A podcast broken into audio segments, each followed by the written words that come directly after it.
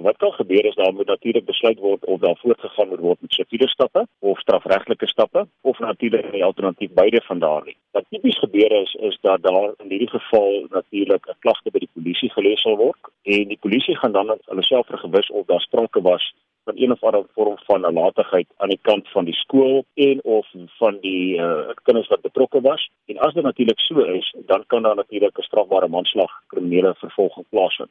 Daar sal natuurlik moontlik ook 'n weging geskenk word aan sogenaamde uh, geregtelike doodsondersoek om natuurlik meer van die feite bymekaar te kry en dit kan selfs die strafsaak voorafgaan. Dit gebeur baie keer sodat die hof eers meer inligting kan kry om te besluit of daar 'n vervolging ingestel word of dan nie. En daarmee saam is daar dan die siviele roete. Wat behels dit?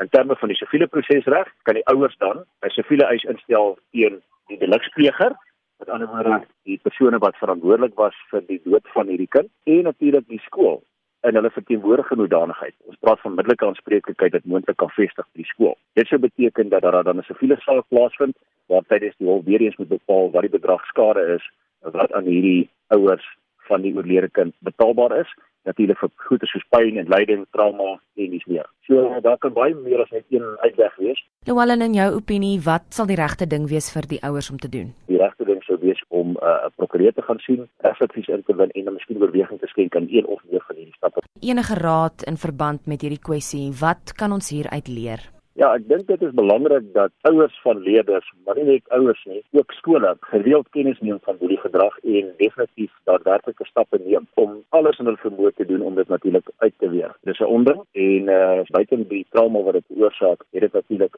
enorme finansiële implikasies ook vir alle belanghebbende partye. Dit kan nie lig geraak gesien word nie en uit die oog van die reg word dit in elk geval in 'n baie ernstige perspektief gesien.